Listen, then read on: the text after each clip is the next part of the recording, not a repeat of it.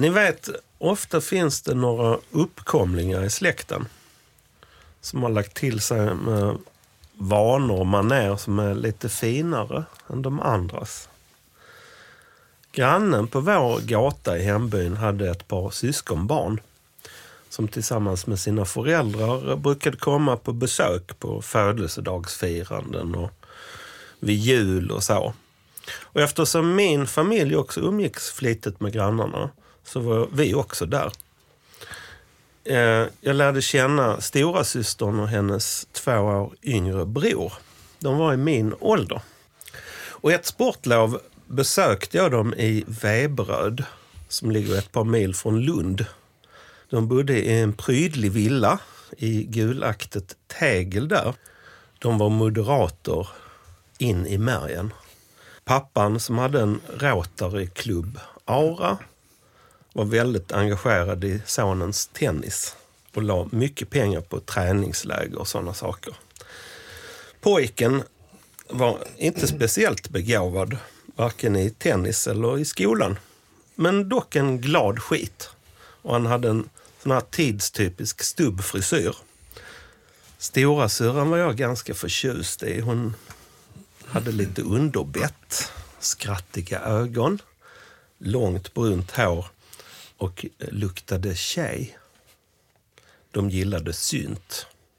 Vilken annan musik fanns att lyssna på? Familjen hade alla moderniteter i villan som tänkas kunde.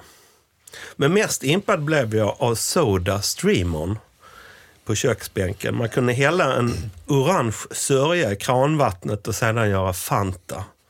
När man som helst ville. Wow! Jag kände att vi i min hemby låg efter i utvecklingen. Där minnen av det gamla bondesamhället dröjde kvar. De här människorna de var så bra på att ta för sig av det nya som 80-talet erbjöd.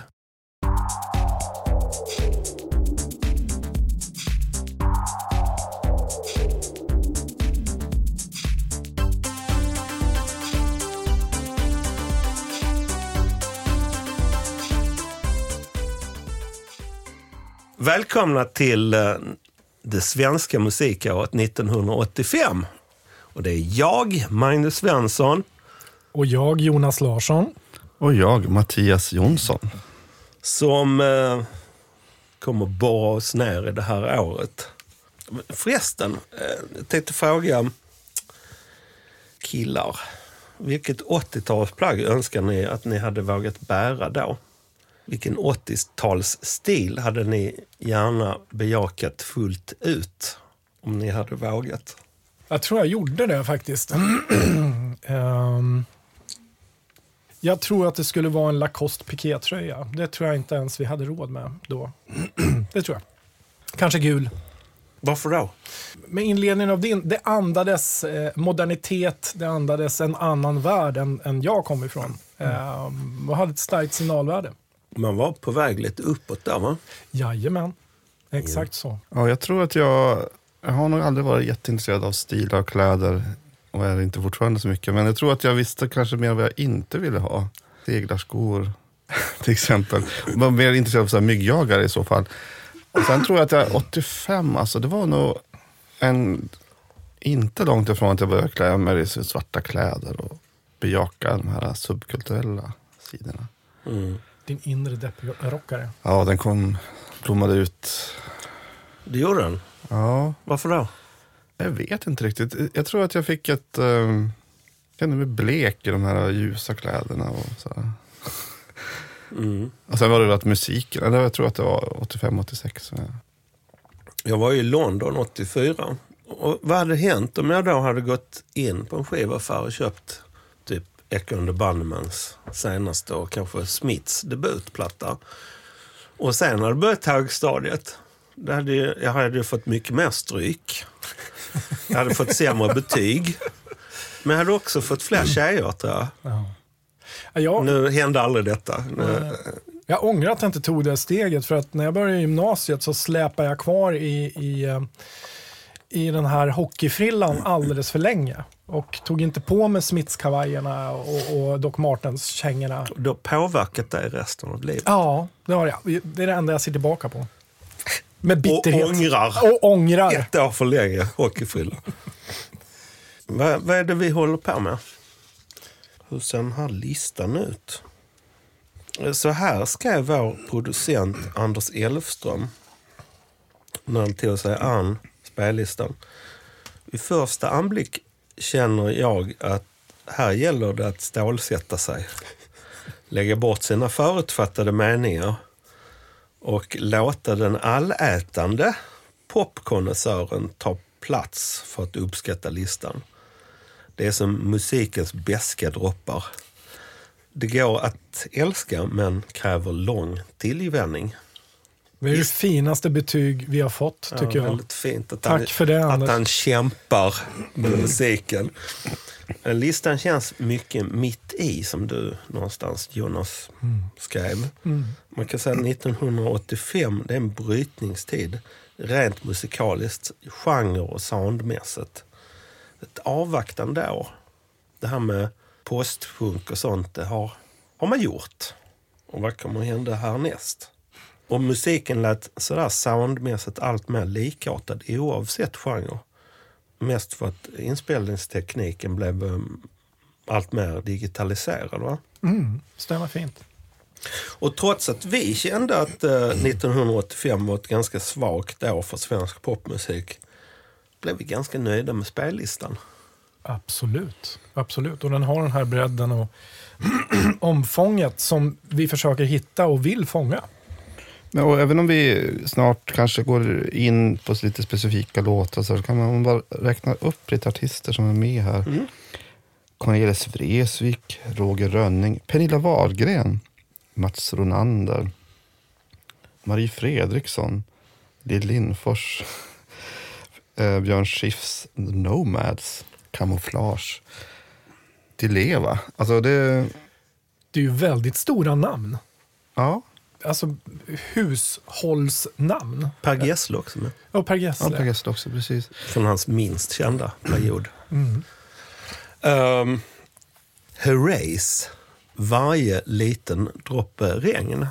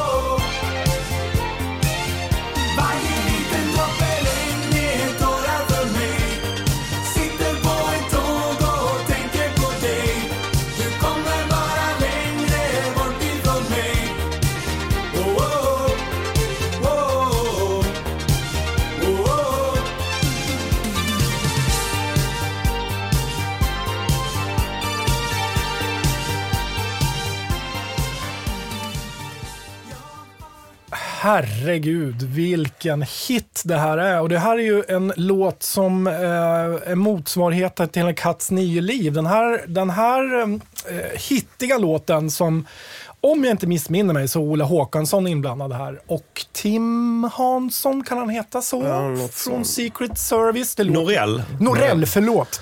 Den Eh, allvetande producenten Anders eh, bryter in. Och, eh, Tack, Anders. Tim Nor- ja, de var låtskrivarpartners. Ja. Ja, eh, och det låter ju väldigt, som du identifierar här när vi spelar låten Magnus, väldigt mycket Secret Service. Eh, Anki Bagger fick en monsterhit med den här sen. People say it's in the air, som en Ja, men alltså om vi, om vi pratar om det svenska dansmusikundret så är det en, en milstolpe skulle jag vilja säga. Den är jävligt svängig och ni vet sådana här syntdrummar på den. Eh, den har också gjort en finsk version tydligen. Ja, så den här har, har haft många liv. Eh, och jag undrar om inte Herreys också gjorde den på engelska vid något tillfälle. Så att, en bra låt, en bra låt, en bra låt. Och jag tycker det här är en väldigt, väldigt bra låt från ett ganska, tycker jag, tråkigt gäng i övrigt. Men det står, får stå för Eh, mig. Herreys? Ja. Fast vi har upptäckt flera pärlor. ja, det kanske vi har. Ja, jag tar Vi- tillbaka det. Vi är inte rädda. Nej, men jag tänkte på, det är viktigt, alltså cred, om man pratar cred så kanske det finns en bottenlista eller en topplista med de som, eller de som inte, ja jag förstår. Men Herreys och Pinks, Vad är det du vill säga Mattias? Att- de ligger men hur många känner vi som- Fred, hur många Fredrik och om man nämner olika tids. De, de är inte de creddigaste. Räkna upp era vänner som är Herreys-fans.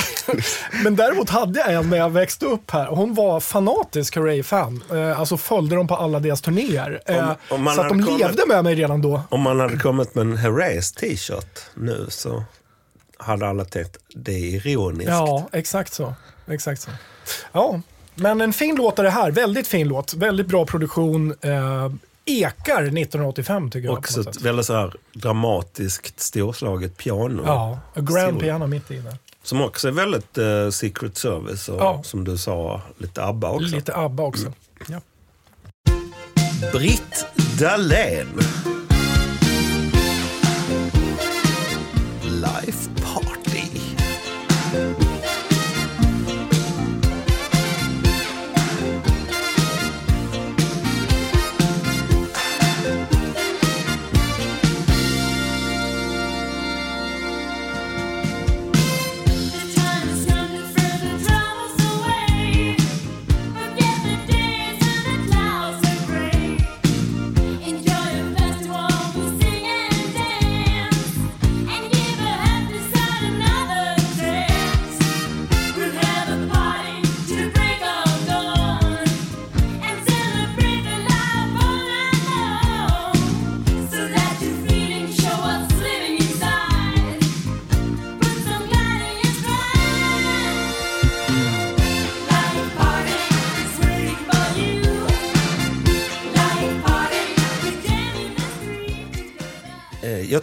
Tror att man försökte lansera denna Örebro-tjej som en svensk Madonna. Eh, Det gjordes någon eh, artikel i Okej om henne. Varför har vi inte pratat om Okej tidigare? Eh, kanske sönderpratat. Tonårsmusikblaska. Eh, Det för det är det man bet- eh, är. Det är det, det som är 80-talsnostalgi. Det är Okej. Mm, det är verkligen så. Och då fyllde den verkligen sin funktion, för det fanns inte så mycket annat då. Och Britt då, hon blev eh, poppis i Japan. Hon var också med i den andra säsongen av Solstollarna 1987. Grattis! Inte som gäst utan i varje avsnitt. Förstås i baddräkt. Hon var ett blont eh, bombnedslag även om hon nog Vad menar du vill betraktas som en, en uh, sångerska först och främst.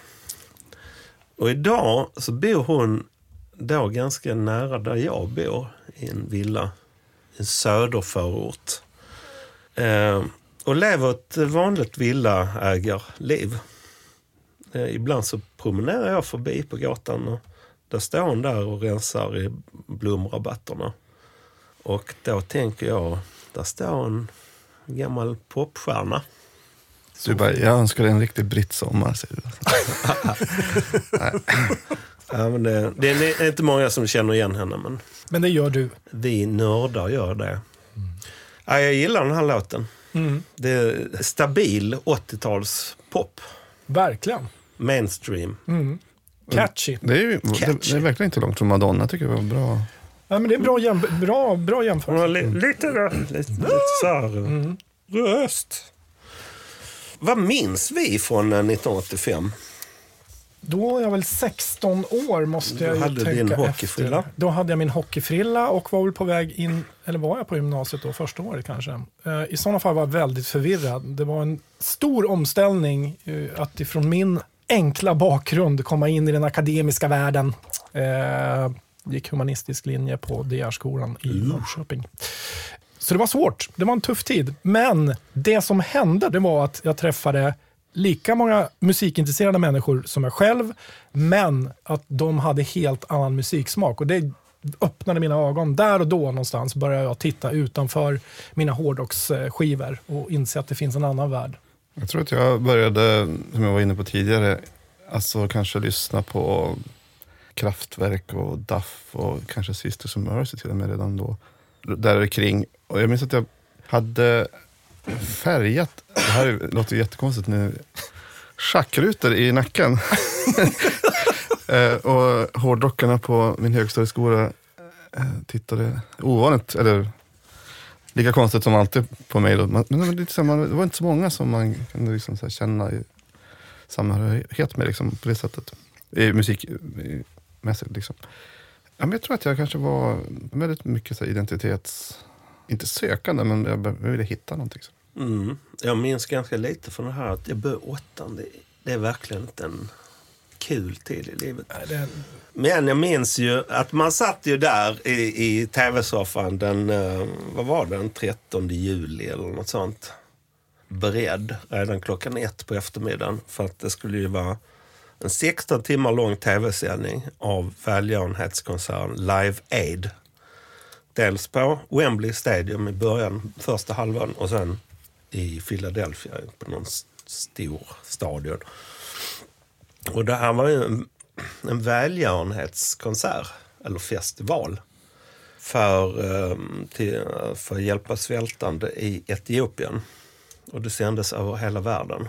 Och jag satt där med ett stort gäng och eh, såg det här som initierades av Bob Geldof. Jag såg om alltihop på DVD om sommaren hur var det? fantastiskt. Särskilt den, alltså den brittiska avdelningen var Ja. ju det var ett fyrverkeri. Sen var det väl en artist som spelade på båda sidor av Atlanten och det var väl Phil Collins va? Yes. Ja, eh, om jag inte missminner mig. Han var speedad. Den, och det var många andra som var det för att man fick se lite extra material backstage. Nej, Och eh, jag misstänker att det var något slags, slags, eh, colombiansk marspulver kanske? ja, något slags eh, partypulver som man drog upp genom näsan. Liksom.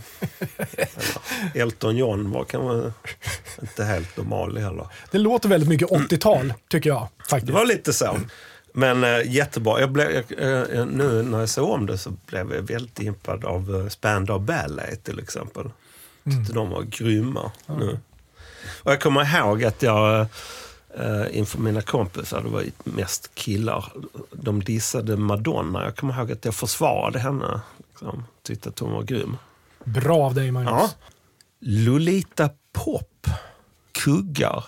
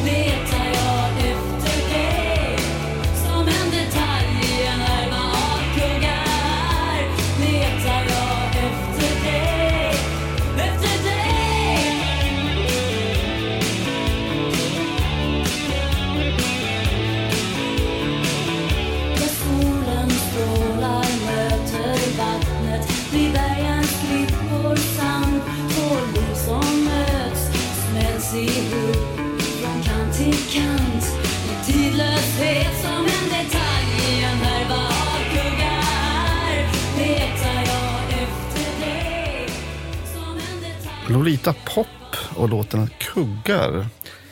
Det känns som en sån här titel, en sån här 80-talsdoftande. Och inte så mycket som man skulle kunna höra nu kanske. Alltså jag lyssnar nog inte så, eller aldrig på Lolita Pop på 80-talet. I så fall i slutet, alldeles i slutet av 80-talet. Eh, Samma här. mm. Som är faktiskt. Så jag tror aldrig, det var aldrig liksom mitt band, eh, om man ska säga, säga så. Men där, däremot så borde jag egentligen kanske lyssna mer, för att eh, det är jättemycket som är så här, träffar rätt för mina ideal, om jag har några, liksom soundmässigt. Så här, alltså den här basen, så här drivande bas, det, det är liksom en, verkligen en otroligt snyggt. Jag Eh, tycker det här håller så himla bra över tid. mm, Jag tycker det här låter så bra än idag. Alltså i mina öron. ja. Ja men absolut. Jag tycker också att Det här är nog bland det bästa från det här året tycker jag. Ja. Jag tycker också att det representerar 1985 på ett bra sätt. Alltså man, den, här, den här ingången ifrån postpunken in till ett poppigare sound som sen blommade ut kanske i slutet av 80-talet, början 90-talet. Det, den här låten tycker jag representerar en brytpunkt i det. Att det är, ja, men man hör pop, postpunk-influenserna men det blickar framåt mot ett jävligt gängligt sound på något sätt. Ja, och lite kanske poppigare också. Och jag, Ja. som sagt, Lolita Pop är väl exakt i mitten och sen blir de lite mer breda och sådär. Ja. Men jag vet inte om vi skulle kolla upp lite mer från den här tiden med någon av bandmedlemmarna. Låter det Bra idé. Ja, vi snackar med Karin Wistrand.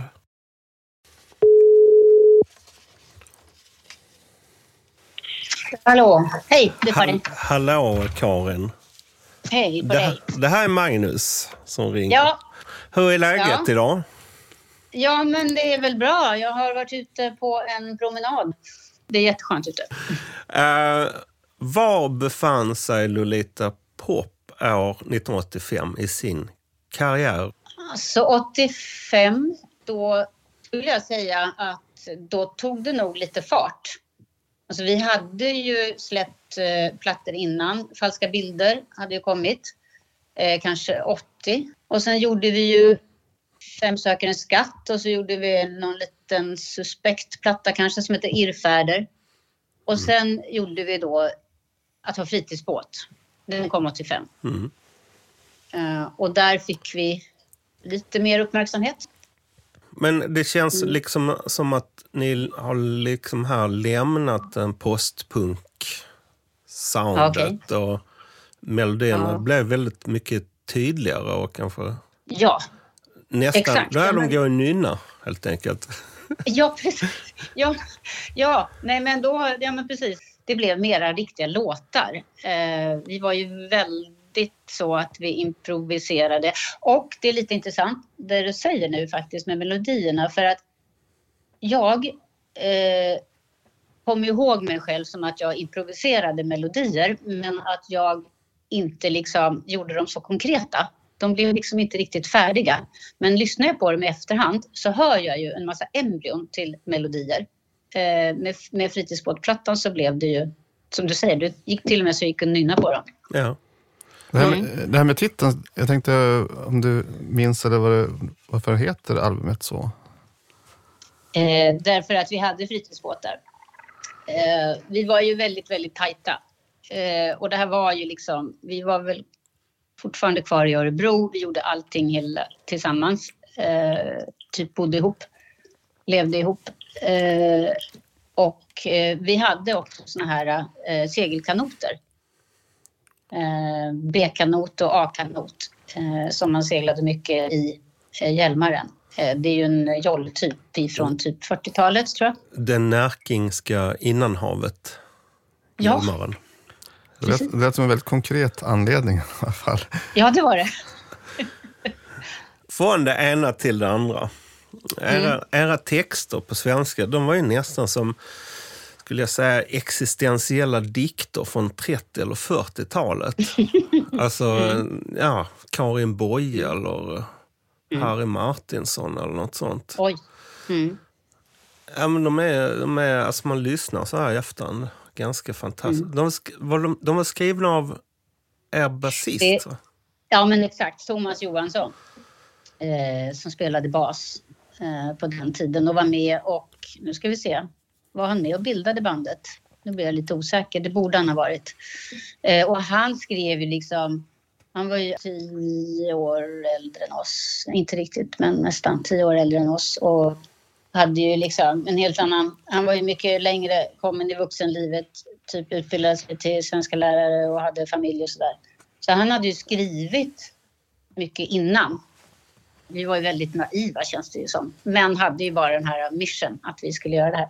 Så han skrev ju de här texterna och han, var ju, han sprutade ur sig dem. Så var det ju liksom jag som fick dem till mig, 19 år. Ja. Jaha, vad ska jag göra med de här? Eh, och då började jag bara, ja av någon anledning så var det något som landade i mig som jag kunde ta till mig och tolka. Mm. Men jag håller med, det är, inga, det är inte några vanliga hjärta-smärta-texter. Absolut inte. Verkligen inte. Jag vet inte. Jag har ju själv inte pluggat litteraturvetenskap, men är det det man Nej. kallar för central lyrik? Ja, frågar du mig? Ja, vi, får, eh, vi får gräva i Vi det. lämnar den frågan öppen. Men Ja. var du Jag själv... ska ställa frågan till Thomas. Han blir, han blir, nog, väldigt, han blir nog väldigt glad. Och, Ja, vad roligt. Hälsa. Ja, det ska jag göra. Ehm, ska jag göra. var, var du själv delaktig i att skriva musik och sångtexter åt Lolita Pop? Ja, alltså det var, verkligen, det var verkligen så att vi gjorde... Alltså vi gjorde ju verkligen låtarna tillsammans. Alltså improviserat i, i lokalen eller att man gjorde delar. Eh, och vi jobbade ju verkligen så. Både med texter och med musiken. Eh, sen så gjorde ju vi den varianten då att man skrev liksom text och musik Lolita Pop.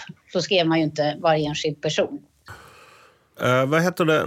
Mycket annat eh, från 1985, det låter ju väldigt daterat idag. Ja. Men ni står er väldigt bra fortfarande. Varför tror du att mycket av er musik har hållit så bra över tid? Oh. Hjälp. Eh, var det så att Missur hade en studio också? Mm. Den första studion var ju eh, på Maria Prästgårdsgatan uppe på en vind. Det är där som Ebba spelat in eh, sina plattor Ja. och eh, docenterna, vi spelade in där. Eh, Men eh, vi kom lite bort från frågan. ja, Eh, Det här varför ni, er musik har hållit så bra. jag vet inte. Vad tänker du själv? Jag kan inte Nej, svara jag på det. tror 80-talet var väldigt mycket, det var väldigt mycket gatade trummor, det var väldigt mycket syntar och det var en digitaliserad ljudbild. Och att ni ändå väldigt mycket hela tiden var ett gitarrband. Ja. Men om man jämför annan musik från samma tid eller som var lite tidigare som till exempel Patti Smith som, eh, och även Iggy Pop som var ju våra husgudar. Eh, den, den musiken eh, alltså håller ju också fortfarande och Patti Smith är ju liksom större än någonsin. Allt det där håller ju fortfarande. Kvalitet håller alltså. Det är därför. Ja. Det är svaret. Ja, det kanske är det. Ja, jag vet inte. Det är svårt att säga. Ja, det här är ju inte ett nostalgiprojekt utan det här är faktiskt ett upptäckande projekt för oss. Också. Vi upptäcker musik som vi Ja. in, inte lyssnade på då också. Upptäcker och omvärderar. Omvärderar jättemycket Ja. också. Ja. Ja. Vi var ju väldigt, vi var ju ganska så här, eh, var ju ganska mycket musikpoliser och väldigt smala, i alla fall när vi började. Eh, jag tror väl att 85 var vi väl kanske, alltså det var väl också ett sätt att liksom snäva upp och profilera musiken, tror jag. Det var ju, det var ju liksom New York-rocken som gällde och så tyckte man att Springsteen var kommersiell tjafs. Liksom. Ja. Men det är klart att man, så här nu när jag tittar på 85-listan på Spotify så ja, det är klart, man lyssnar ju på allt det här. Mm. Eh, och så. Men jag, när vi började spela ändå 2019, Mm. eh, som för övrigt kändes väldigt gött. Och då var det också sådär, ja men är det nostalgi? Eh, varför gör man det? Hur ska vi hitta låtarna? Vad är det som håller? Vad är det som inte håller? Så det väcks ju någonting, eller det återuppväcks någonting i, i om inte annat i kroppen på en liksom, som gör att man känner igen det här. Och så var det för publiken också. Jag är- så himla tacksam för att du eh, ställde upp och ville vara med i Det var jättekul. det svenska musikåret. Och ni är ju väldigt representerade på våra listor och det, ni är med typ på fyra stycken. Jag tror det är fyra. Jaha. Ja, vad roligt. Alltså, det är så här, efterhand så känns det i hjärtat att ändå så där, det kommer ett och annat bevis på att ja, men faktiskt, man kanske gjorde lite avtryck här och där i alla fall. Det tror jag verkligen. Jag vill tacka så mycket. Tack själv. Hej! Hej.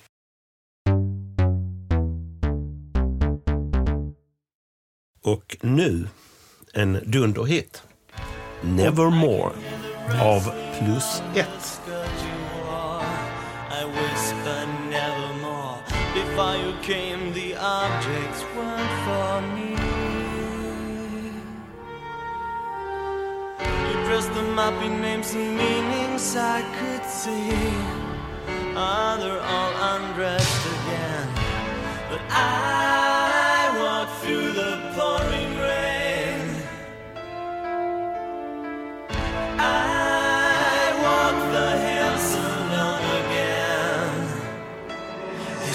again. You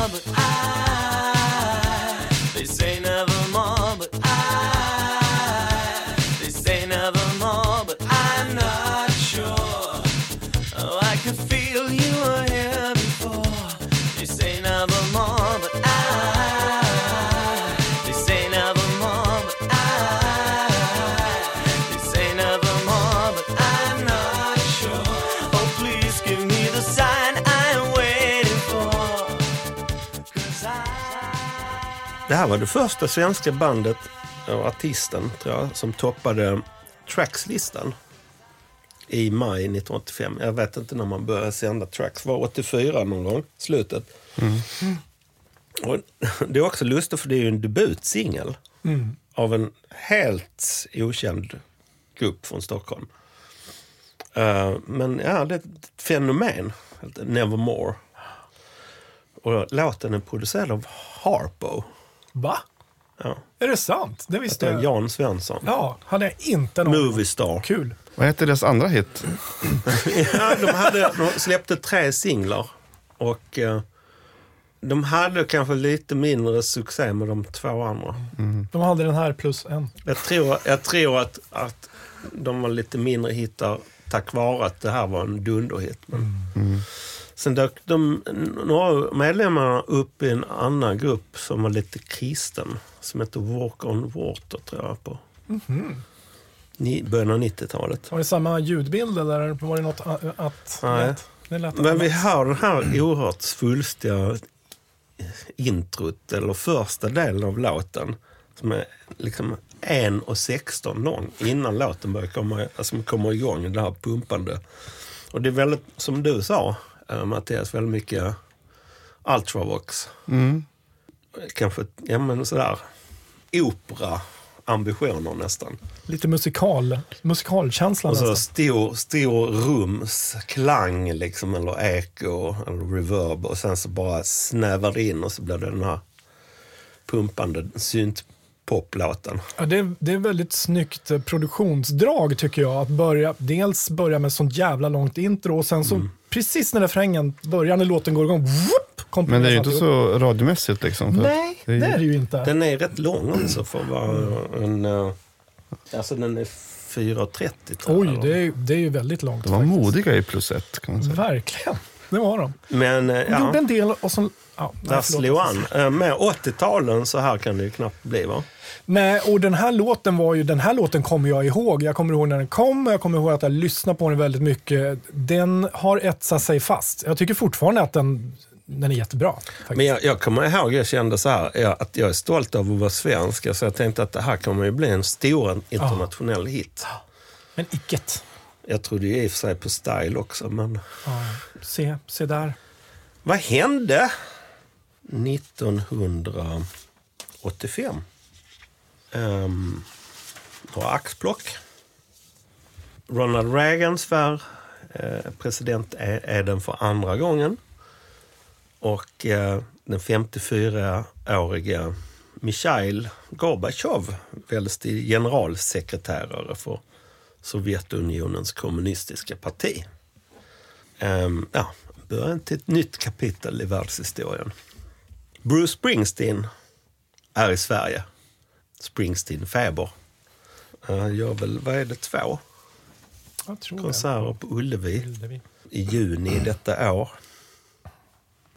De svenska femåringarna och 25-åringarna upphör att gälla efter att ha funnits sedan 1873. Greenpeace fartyg Rainbow Warrior sänks av Frankrikes underrättelsetjänst i hamnen i Auckland.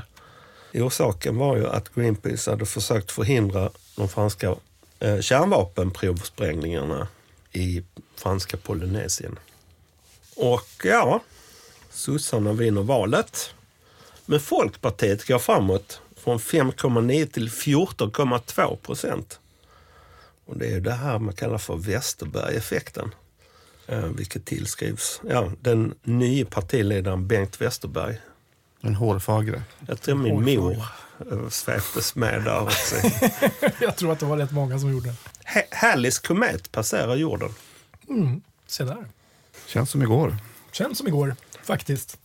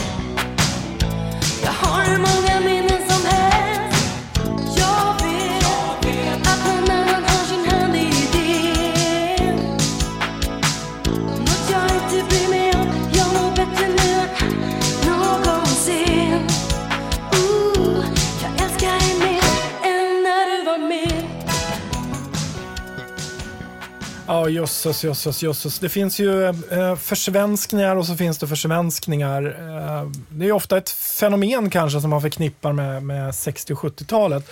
Men det här är ju en för, försvenskning av Prince When You Were Mine och på vilket fabulöst sätt Lilly och Susie griper sig an den här låten. Alltså det är ju en popdänga i grunden. Poppigare än så här blev nog nästan inte Prince Men någon det, annanstans. det är också ett liksom, obskyrt albumspår från en tidigare platta. Ja, exakt så. Från eh, någon av de där plattorna, Dirty Mind eller Ja, jag tror att den-. Jag tror faktiskt att den är från Dirty Mind, om jag inte minns fel. Vi får väl göra en rättelse i vanlig ordning. Men Alltså från 80-81. ja, precis. där- Innan eh, han... innan de, de stora hittarna kom sådär. Och, och, och, och, jag, när jag hörde den här, jag, kommer in- kommer inte ihåg att jag hörde just den här med Lili och Susie när det begav sig. För det här är väl inte direkt någon, det här är väl också ett albumspår på deras album? På deras första album eh, som inte hade några hittar. Nej, Alltså innan de slog igenom. Exakt. Så det spelar ingen roll att det var ett albumspår kan man säga.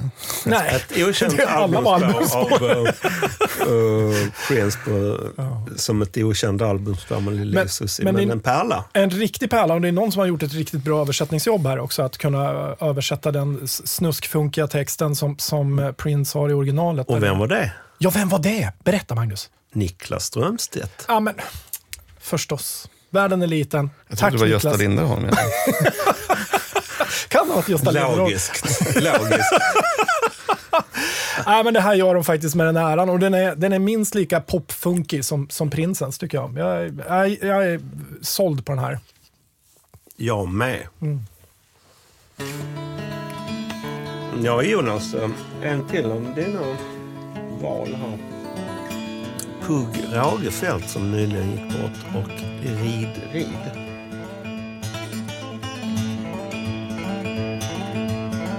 Rid, rid över heden i natt, jag säger. Rid, rid du min dyra skatt och Spring, springare till Offerlund, jag säger. Spring, springare med fragdad mun. Rid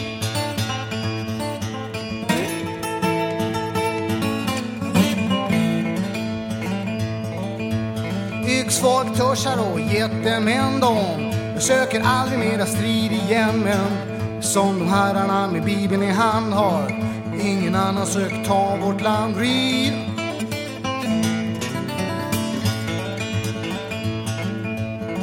Man sätter kvinnorna i spindelgarn man. Rövar glädjen ur minsta barn man. Bränner jorden i Ragnarök man. Sprider hat emot Lo och Högspring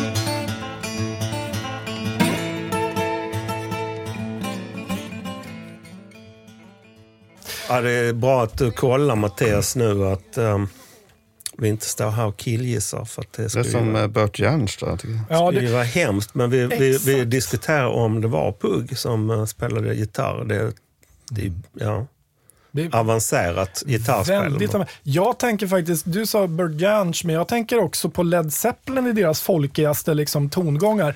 Det är Puss- samma sak kan man säga. Ja, det kan man ju nästan säga det är faktiskt. Men det, det, eh, Pugg, gick ju in i, Pugg gick ju in i en fas där, där det var, det var liksom vikingarock stod på agendan. Jag vet inte om det lät så här på vikingatiden, men, men han gick stenhårt in på det här med vikingar. Albumet hette Hammar hjärta. Ja, och Ragnarok hette väl bandet? Va? Det kanske inte... Det där med vikingatiden och nordisk mytologi så har varit politiskt belastat kan man säga. det kan man nog minst sagt säga. Faktiskt. Efter det, jag vet inte hur det var då, men Nej, jag vet inte heller. Eh, Men Bernt Staff var ju också inne på den här och snurrade i, i, i vikingamytologin. Eh, jag vet inte om det blev så speciellt mycket bättre musik, men den här låten tycker jag är väldigt bra. Det är ett jävla bra gitarrspel och, och som sagt, Led Zeppelin-grejer, Burt Jansch nämnde Mattias. Eh, folkigt. oväntade kopplingar. Vad säger du Mattias? Hittar du någon eh, credit? Ehm, Men det här är inte någon av uh, Pugs... ehm, han är ju- Jag vet inte om man nu när han gick bort här lyfte fram ju förstås den tidiga produktionen. Eh, Vi som gillar svenskt sväng kanske tog fram någon låt från slutet av 70-talet. Han hade några hits på 80-talet också. Stockholm, Stockholm, stad i världen. Ja, någon- med på 1981. Någon låt som spelas så mycket på bröllop också silverklocka eller någonting sånt. tror Ja. Och sen så var det ju Grymlings Ja, då. med Mikael Så han har ju, han har ju liksom kommit tillbaka i flera olika skepnader kan man säga. Men det här kanske var den skepnaden som man kanske inte uppskattades så mycket Nej. utav musiklyssnarna. Kan jag Och tänka. han hade ju en jättestor, han var ju som störst rent publikmässigt i mitten av 70-talet med Dingelingelena och den, de plattor, Bolla och rulla och eh, liveplattan. Men ska vi gå in på lite nördfakta? Ja, men vi gör det. Fast det blir bara halvnördigt för att vi har inte faktor. Mattias tar på sina Ja, det tar jag på mig eh, glasögon här. bensinmax-glasögon. pannan i djupa veck. Eh, Den information som jag kom fram, kan komma fram till just här, här och nu, det är ju att... Eh, Ingenting. nej, men, först ingenting och sen... Nej men Rain, Rain Rock här. Rainrock var det ju. De har, ju- de har ju en... eh, Vad sa du förresten? Ragnarok, det var helt fel. Ja, men, Åh, så pinsamt. Åh, gud, vad ska vi göra? Ja, men I det bandet så finns det en, en lead-gitarrist som heter Staffan Astner. Men på Pugg står det att han spelar gitarr. Och här känns det som att det är kanske Puggen då. Ja, Eh, och i så fall är det grymt imponerande. mycket. Jävligt bra gitarrspel. Mm. 1985 var jag klistrad vid eh, tv-skärmen. Som vanligt. Som vanligt. Hela 80 som hela 80-talet fram till jag fick körkort. You and me both kan jag säga. Premiär för Helt apropå med Stellan Sundahl, Fritte Friberg och Kryddan Pettersson. Såpoperan Lösa förbindelser, den första av sitt slag i Sverige, sänds. Och det är ju då om vänsterprassel och sånt. Det är Eva-Britt Strandberg, Börje Ahlstedt som spelar någon liderlig konstnär, Ulf Brunberg, en ung Sissela Kyle, Marika Lindström med flera. Ja, de var ganska snaskiga. Eh, Familjen Cosby Ja, riktigt clean eh, entertainment om de bara visste. Om vi visste vad vi vet nu. med då. Bill Cosby. Eh, Metalljournal, Metaljournalen, Metalljournalen tror jag det hette, med Anders Tengner.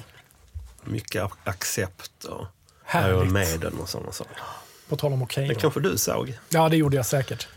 Och så började man sända Nattsudd med Svante Grundberg och Björn Walde. Och det var ju något helt nytt. Det här mischmaschet av gamla så här dansnummer från 40-talet och jazz och helt jävla oseriöst. Och Drickande och rökande. mycket drickande och rökande i ett kök. Alltså det var ju helt underbart. Och eh, svensk premiär också för den brittiska komediserien Hemma Värst. The Young Ones Ja, som var kult. Och den sändes alltså typ tre år efter att den började sändas i Storbritannien. var det tre år efter? Mm. Låg vi så långt efter alltså? Dagen efter att eh, Nöjesmassakern hade premiär, då hade Jakob Stege premiär med Jakob Dahlin. Vilket också var något helt nytt i rutan. Det var ju väldigt, eh, ska man säga, camp eller queer. Väldigt camp och queer på ett... Men ingen förstod. Nej. Eller snarare så här tror jag. Eller, det var ingen jag, som ville jag förstå. tror jag. älskade det. Jag älskade allt. Ja, jag tyckte också det var väldigt, väldigt bra. Och han var ju en fruktansvärt bra programledare, Jakob Dahlin. Vad var det han sa? Ja, vad var det? Det var han hade ju en catchphrase. Skål, ta mig fan. Ja, skål ta mig fan. I, i um, Wahlen-glas, Ulrika Wahlen-glas. Ja, ja, såklart. Ja, Ulrika Wahlgren Hydman. Hydman Wahlgren? Hydman Wahlen. Ja. Eh, och så var det alla Pugatjova och uh, Eros Ramazzotti och sådana härliga gäster. Um, allå, allå, Emliga armén. För att visa. Underbar. Och den byggde ju egentligen på en väldigt, väldigt seriös serie som hette mörk Hemliga armén. hette Hemliga armén. Ja, som handlar om- när kom den? Måste det komma ett år Ja, den- innan? Den kom 81 eller något. Ja, tidigt, så tidigt. det var många år innan. Men den här blev ju nästan större eh, och gick fler säsonger framförallt. Vi river av några filmer när vi ändå är igång. Mitt liv som hund. Eh, Sällskapsresan 2, Snowroller. Levande måltavlan, den sista Bondfilmen med Roger Moore. Breakfast Club, Oh. som visades i högstadie, Arland, så här dagen för jullovet. Underbart. Ni, vilken tur ni hade. Julen 85. Ja, det var ju mäktigt. Vad schyssta de var. Året innan körde de Gap och hans värld med Robin Williams. Nej, men, Och eh, Rambo, ja, det var ett stort år för Sylvester Stallone. Rambo, var Röjde i Vietnam, Röjde Satan. Och sen så var det ju också Rocky 4. Uh, de mot, Dolph. motståndaren var den sovjetiske Ivan Drago. Alltså, A.k.a. known as Dolph Lundgren. yes. Vår egen Dolph. Som också eh, folk retade sig på. För att han kunde knappt prata svenska när han satt i tv-soffan. Det går inte hem. Nej. Oförlåtligt. Och sist men inte minst, Tillbaka till framtiden. aha. Eh, nej, men en liten reflektion är ju, du nämnde han, Kryddan Pettersson, apropå... Där, där, eh, det plockade du. ja, men, ja, men, det, Där nappade Ja, men det är det här med, vi är så anonyma. Liksom. Tänk om man kunde säga om en podd med liksom Kryddan Svensson eller Peppan Larsson. Men så här, nej, vi är för bleka. Liksom. Ja, Jonas Larsson, Just- Mattias? Magnus Svensson. Ja, äh, dragspelaren på. Ja. Jag kan, vi, vi släpper det. Ja. Vi, vi, Nu lyssnar vi på lite musik tycker Ja, jag. jag tycker eh, nog pratat. Hansson the Wolf United. Eh, oberoende av vad Forsten säger. Vilken catchy låttitel.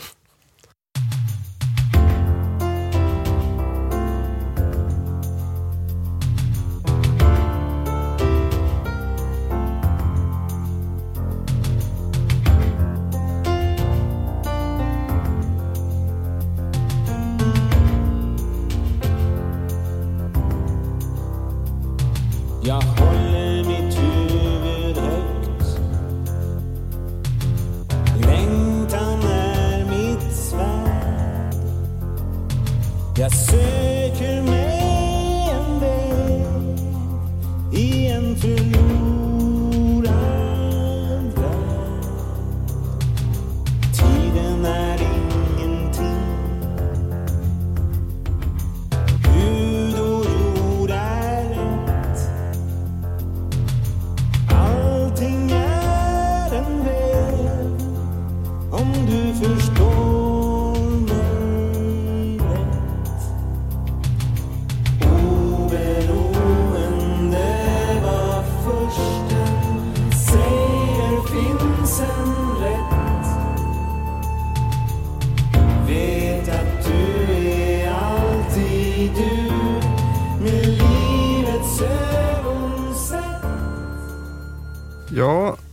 Hansson the Wolf United, oberoende vad försten säger. Eh, jag tänkte på det här med inflation som är aktuellt på många sätt. Hur många gånger kan vi säga att det här är nog en av 80-talets bästa låtar? Men det ska jag kunna dra till med här. Ehm, för den borde egentligen vara lite omöjlig på flera sätt. Dels att den faktiskt heter Oberoende vad försten säger och att de sjunger det utdraget på refrängen också. Jag vet inte, kan det vara så här, vad är först, Machiavelli, 1500-talet? Ja. Är det en sån referens? Jag har ingen aning. Highbrow som man säger. Väldigt highbrow och det känns väldigt Hansson the Wolf United på något sätt. Ja, men sen som låten den snirklar fram så här, både texten och melodin. Jag tror att refrängen, jag om jag skriver ner här. Oberoende vad försten säger finns en rätt. Vet att du är alltid du med livets ögon sett. Ja, men alltså själva melodin är ju så otroligt fin. Ja. Ni håller inte med? Jo, absolut. Jag tycker den är jättefin. Och fina synt, härliga syntklanger i den också. Eh, sådär. Och den behövs på listan. Den behövs absolut. Jag tycker den är jättefin. Men de var ju uppenbarligen ganska stora när det begav sig. Superstora faktiskt. Alltså de släppte ju skivor i parti och minut. Eh, Inte minst för att man hittar dem överallt nu när jag fått 10 spänn Ja, i vinylbackarna. Så att, eh, Jag tror att jag- jag har ju köpt allihop. Ja, du har det? Jag läste att de slog igenom direkt. Liksom. Ja. Ja. Det kostar mig 70 spänn då. Hela deras diskografi. Och snart spelar de live här i Stockholm eh, också. Eh, en till Mattias favorit. eh, Stefan Borsch. Livets gåta. det är så jävla bra.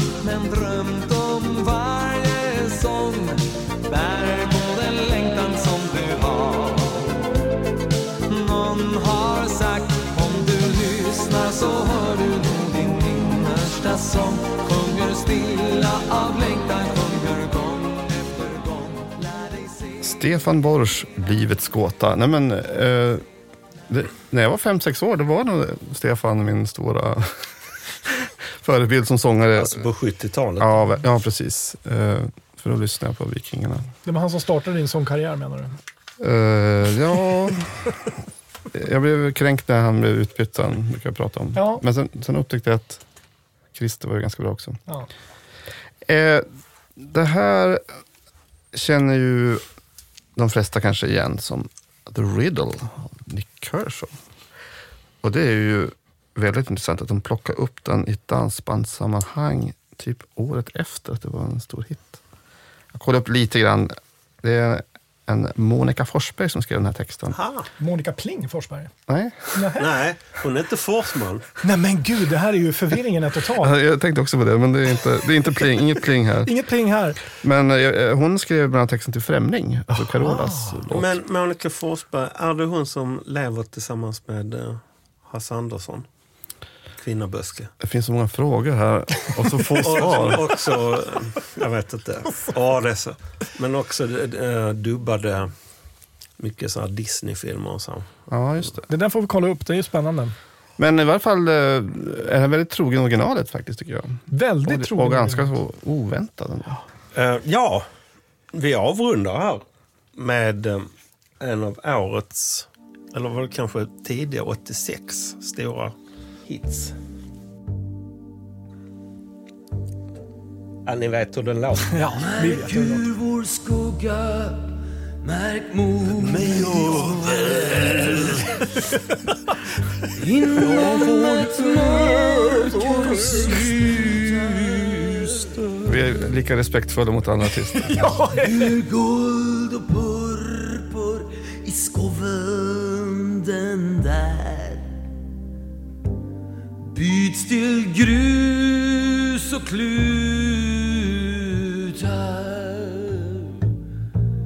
Vinkar karon från sin brusande eld. Och tre gånger sen död grävaren själv.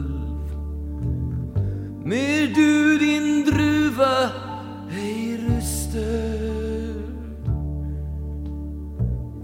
Därför Movits kom hjälp mig och välv Gravvård över vår syster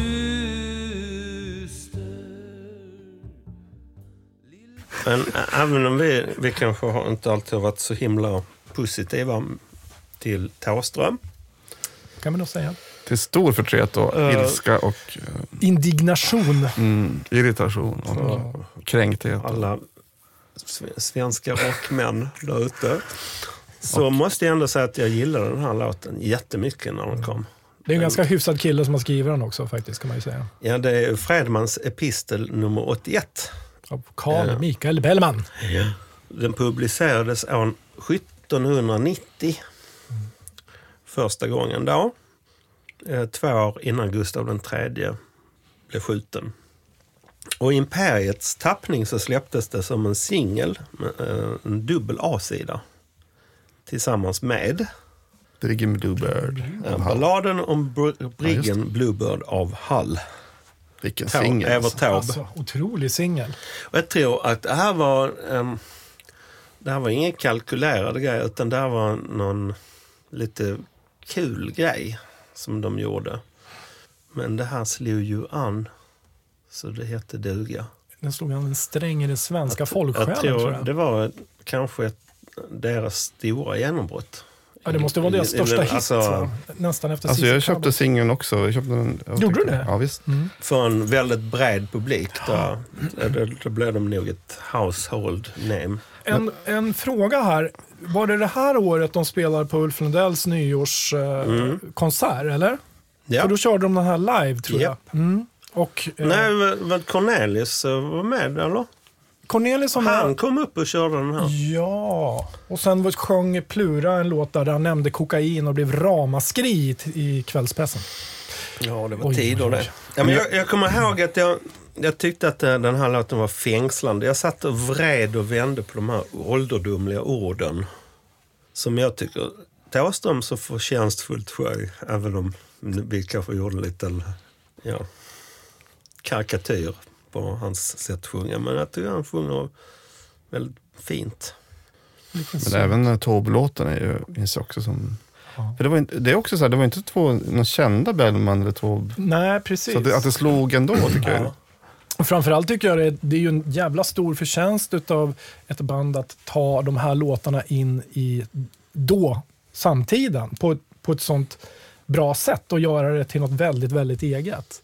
Det låter ju inte som Carl, det låter inte som Fred Åkerström skulle sjunga Bellman, eller inte ens Cornelis Vreeswijk.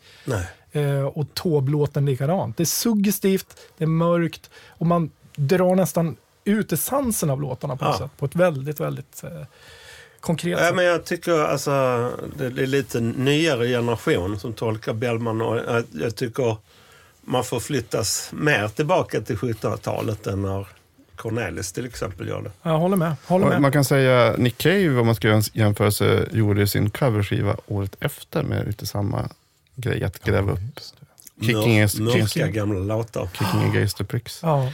Men då var ju Thåström faktiskt före. Tack Thåström. Ja, tack. Och eh, eh, ja, jag hoppas vi blir förlåtna här av alla Thåström-fans där ute.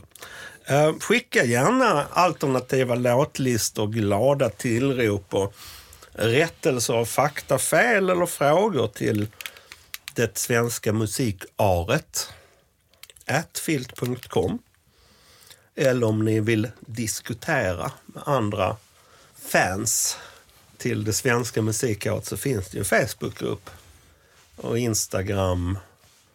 Men eh, Vi begär inte så mycket, bara att ni älskar oss. då säger vi adjö för idag. Tack så mycket. Tack så mycket.